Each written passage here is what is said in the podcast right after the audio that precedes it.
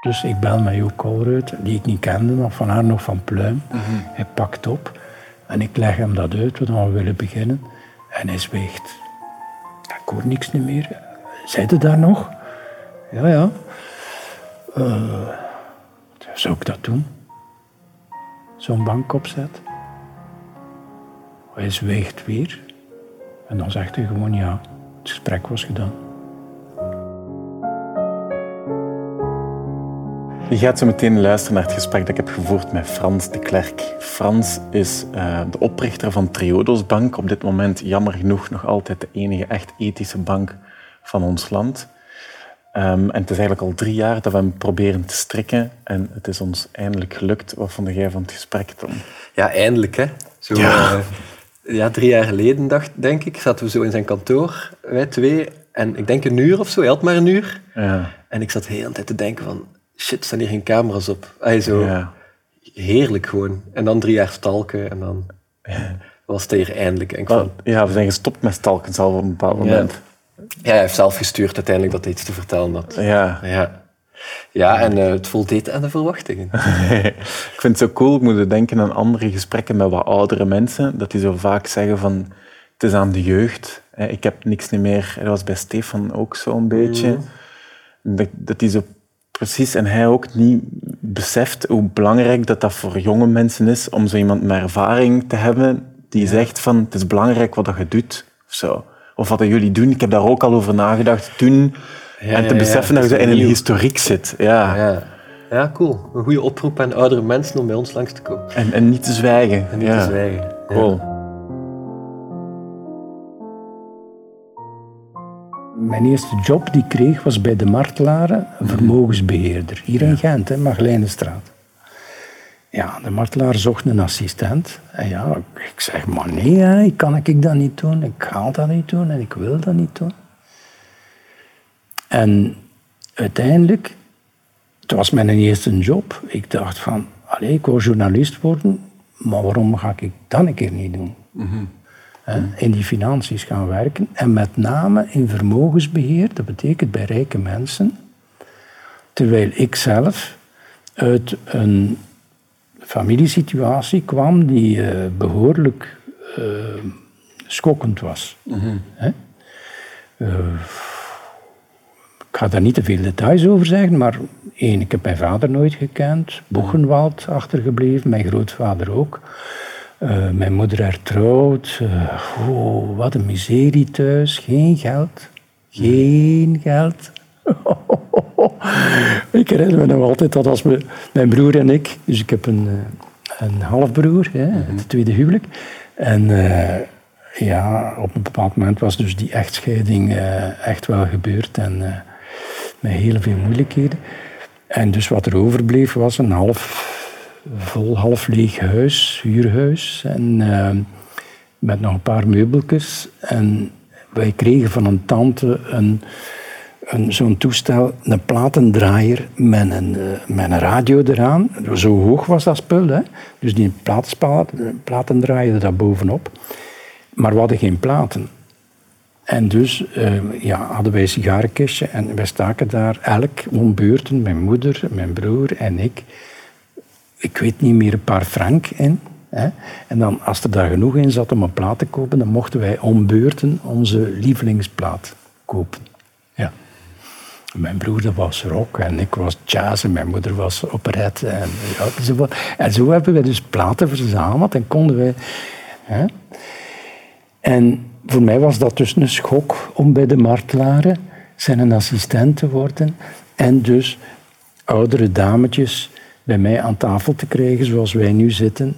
En die elke dag angst hadden schrik hadden, zoals wij nu ook veel angst en schrik hebben in de omstandigheden. Maar zij, omdat het geld wat ze hadden, dat ze dachten dat ze dat gingen verliezen. Ja, misschien. En dat alles moest gedaan worden omdat ze dat niet zouden verliezen.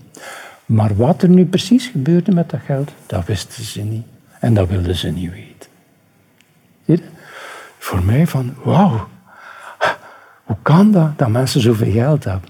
Ja, ja, ja. En twee, hoe kan dat dat mensen alleen dat dan niet weten wat er daarmee gebeurt? Dus ik, ja, ik was jong, hè. Ik was, hoe oud was ik? Uh, 24 zeker, hè? Ja. Niet afgunstig? Niet ik? kwaad? Ja? Nee, nee, nee, nee, dat was zo eerder van verwonderd. Zoals ik verwonderd geweest ben van bedrijfsleiders aan te treffen. Mhm. En, en, mee te gaan met hen. Dus ik ging echt mee met die, met die dames en met die heren. Ja. Maar je kunt ook denken, als je ziet dat zij schrik hebben om het kwijt te spelen en dat jij het nooit hebt gehad, dat je, dat je denkt van alsjeblieft zeg. Ah, maar dat was zo toch niet. Pas op, het was wel een beetje... Ik kwam ook uit de jaren 68, hè, ja, die ik gekend heb aan de NIF. Dus ja, natuurlijk was die gedachte daar wel. Maar eens dat je in een beroep stapt, dat je iets doet, dienstverlenend zijt voor iemand, ja, dan moet je dat ook doen. Hè. Ofwel zeg je nee, ik wil daar niks mee te maken hebben. Al die, hè. Nee, ik vond dat echt wel, omdat ik ook zag van, ja, maar die mensen die hebben echt wel ook een diep verlangen hè, voor de toekomst van hun leven, maar ook van hun nazaten. Ja, oké, okay, is, er kan iets mee gedaan worden. Dus ja, vermogensbeheer, prima, interessant. Ondernemers, prima, interessant. Maar dan dacht ik van, ja, wat zit ik hier te lullen? Want ja, ik ken daar bijna niks van. Ik moest mij overal inwerken, mhm. dat was dag en nacht. Dat was met die Reuters-telex die nog uh, ja, zijn papier spuwde enzovoort, waarvan dat ik die rolletjes moest aftrekken, want er kwam informatie uit Canada, uit Japan, uit de beurzen links en mhm. rechts. En ik moest dat dan allemaal verzamelen en omkneden tot een advies enzovoort. Niet alleen, hè, maar samen met de martelaren zelf. Maar dat was dus nog een, een zaak met, met twee mensen, hè, wij. En zijn broer deed dan nog uh, pardon, de wisseltransacties enzovoort, dat was dan iets anders. Hè. Mhm. Maar dat was een kleine winkel. Hè. Ja. Maar hij was de enige in België die op dat ogenblik internationaal belegde, de martelaar. En dat was het andere punt wat mij sterk interesseerde. Van, ah ja, waf, die contacten internationaal, dat zal toch wel de moeite waard zijn hè, om dat te hebben met Japan, met Canada, met New York, met, ja, enzovoort.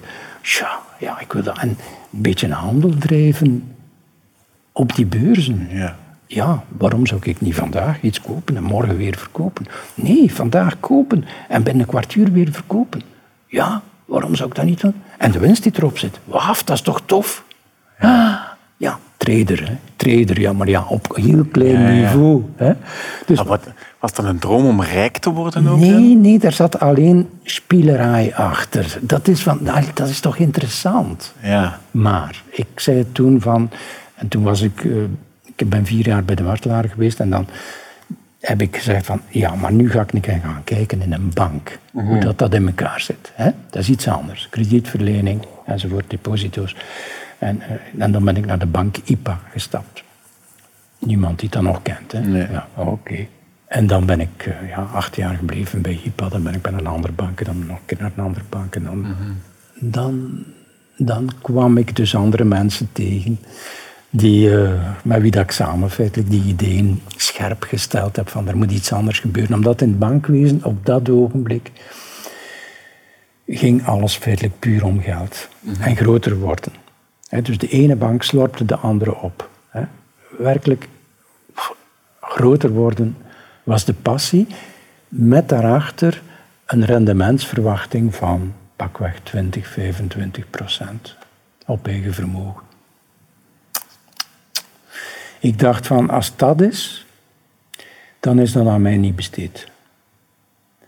En uh, dat was dan het moment om te zeggen van, nee, ik revolteer en ik stap op. Mhm. Want ik kan binnen die banken zelf niet echt iets veranderen. Dat is een mechanisme waar ik feitelijk als individu niks aan kan doen. Dus het enige dat er mij te doen staat, is ofwel een ander beroep kiezen, ofwel iets zots doen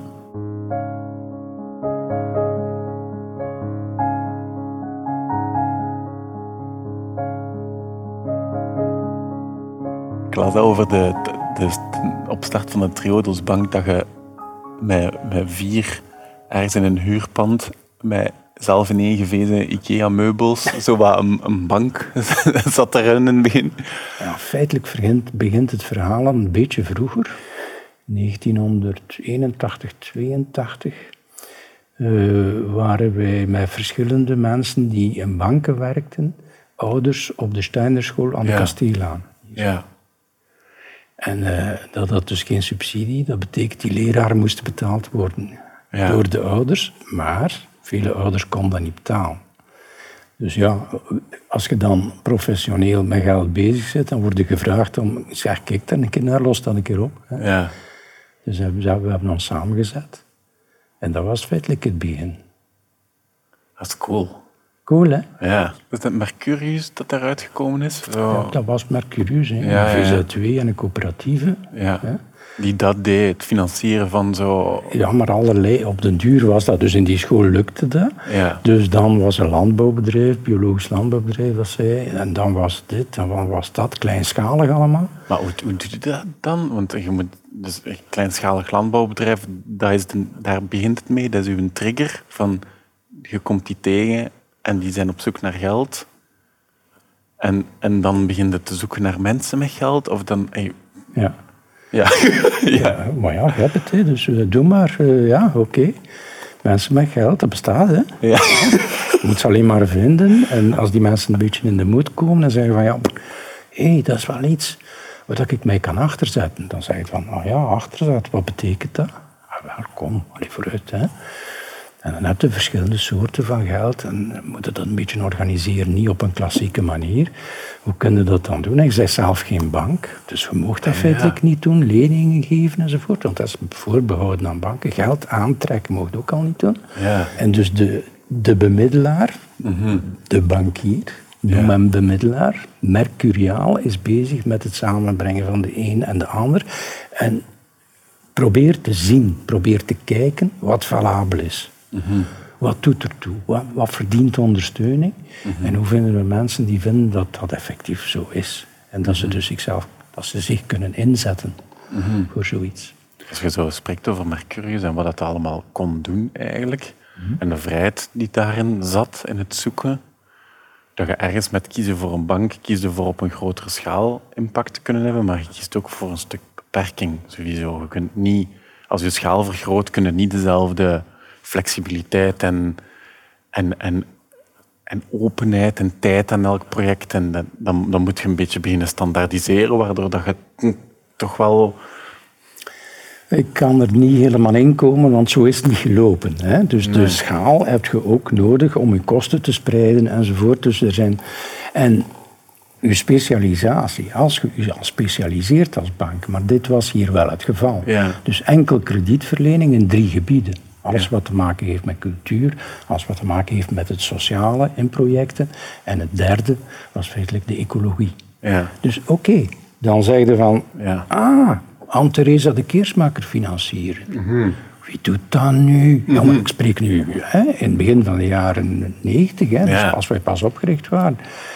Ja, ja, de banken, als die een gebouw wou kopen in Brussel bijvoorbeeld, in Anderlecht, eh, ja, een gebouw moet gefinancierd worden. Ehm, de banken die komen, die kijken en die zeggen, ja, hoeveel zijn die bakstenen hier waard? Hè? En dan eh, maken ze een rekensommetje en dan zeggen ze ja of nee. Ja. Ja, wij gaan daar naartoe, gespecialiseerd met een medewerker die weet wat moderne dans in België vertegenwoordigt, waar Anne-Theresa de Keersmaker staat en, en wat voor potentie dat ze heeft. Ik spreek niet over bakstenen, hè? Ja, nee. Maar natuurlijk ziet hij die bakstenen ook. Maar, bedoel, maar dat is anders, hè, dat gesprek. Moest het daar vragen. Ja, ze zou het waarschijnlijk zo vertellen ook. Zo heb ik het ervaren. En dan, eh, ja, kom je, zit ten eerste omdat je gespecialiseerd bent, zit- kunnen snel gaan. Zit ten eerste om met een voorstel af te komen. Je hebt goede condities. En je begrijpt vooral elkaar. Je kijkt elkaar in de ogen. En je zegt van, ja, wat denkt je? Zit het erin? Is natuurlijk een risico, hè. Ja. Ja, als je zo, dat was nog een kleine organisatie op dit ogenblik, 60 mensen, maar toen der tijd was dat misschien een man of tien. Hè.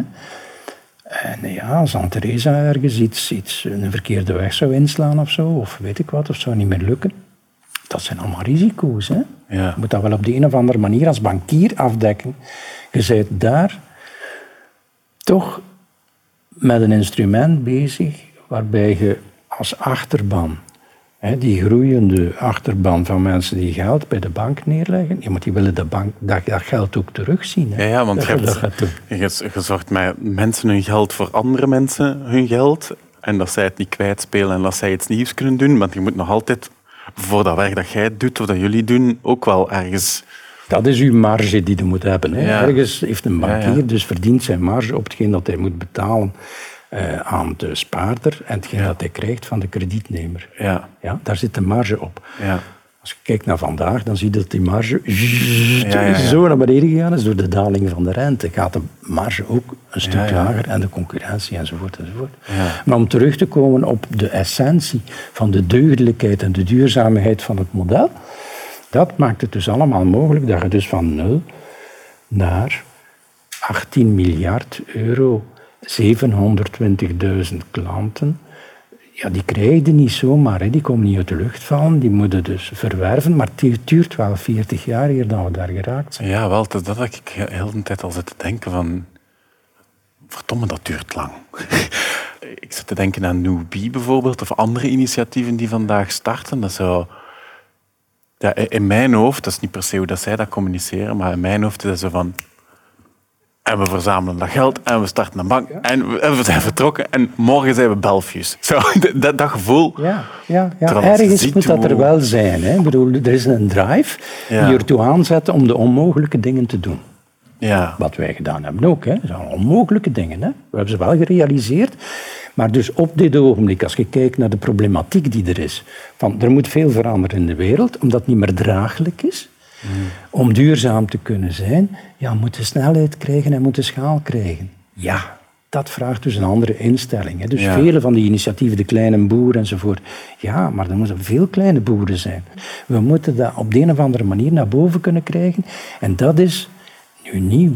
Als jij leest wat Frans Timmermans, de Europese ja. vicepresident, hè, dat die uh, ja, met, dat, met die New Deal uh, op dit ogenblik heel concreet bezig is om bepaalde ontwikkelingen te stimuleren waar wij al 40 jaar mee bezig zijn. Dus ik denk, als je nu die bank zou zien, hè, die wij gedaan hebben op 40 jaar, dan kun je zeggen van als een dergelijk nieuw initiatief zich nu uh, aan het oprichten is en gaat, gaat, gaat beginnen functioneren, kan die dan snelheid verkrijgen. Er zijn gunstige tekenen dat mensen meer en meer beseffen van als ik naar een bank ga, oh, dat is niet zomaar gelijk wie. Hè? Ik zal wel bepalen wat die bank met mijn geld moet doen. Hè? En als dat niet gebeurt, dan ga ik naar een andere.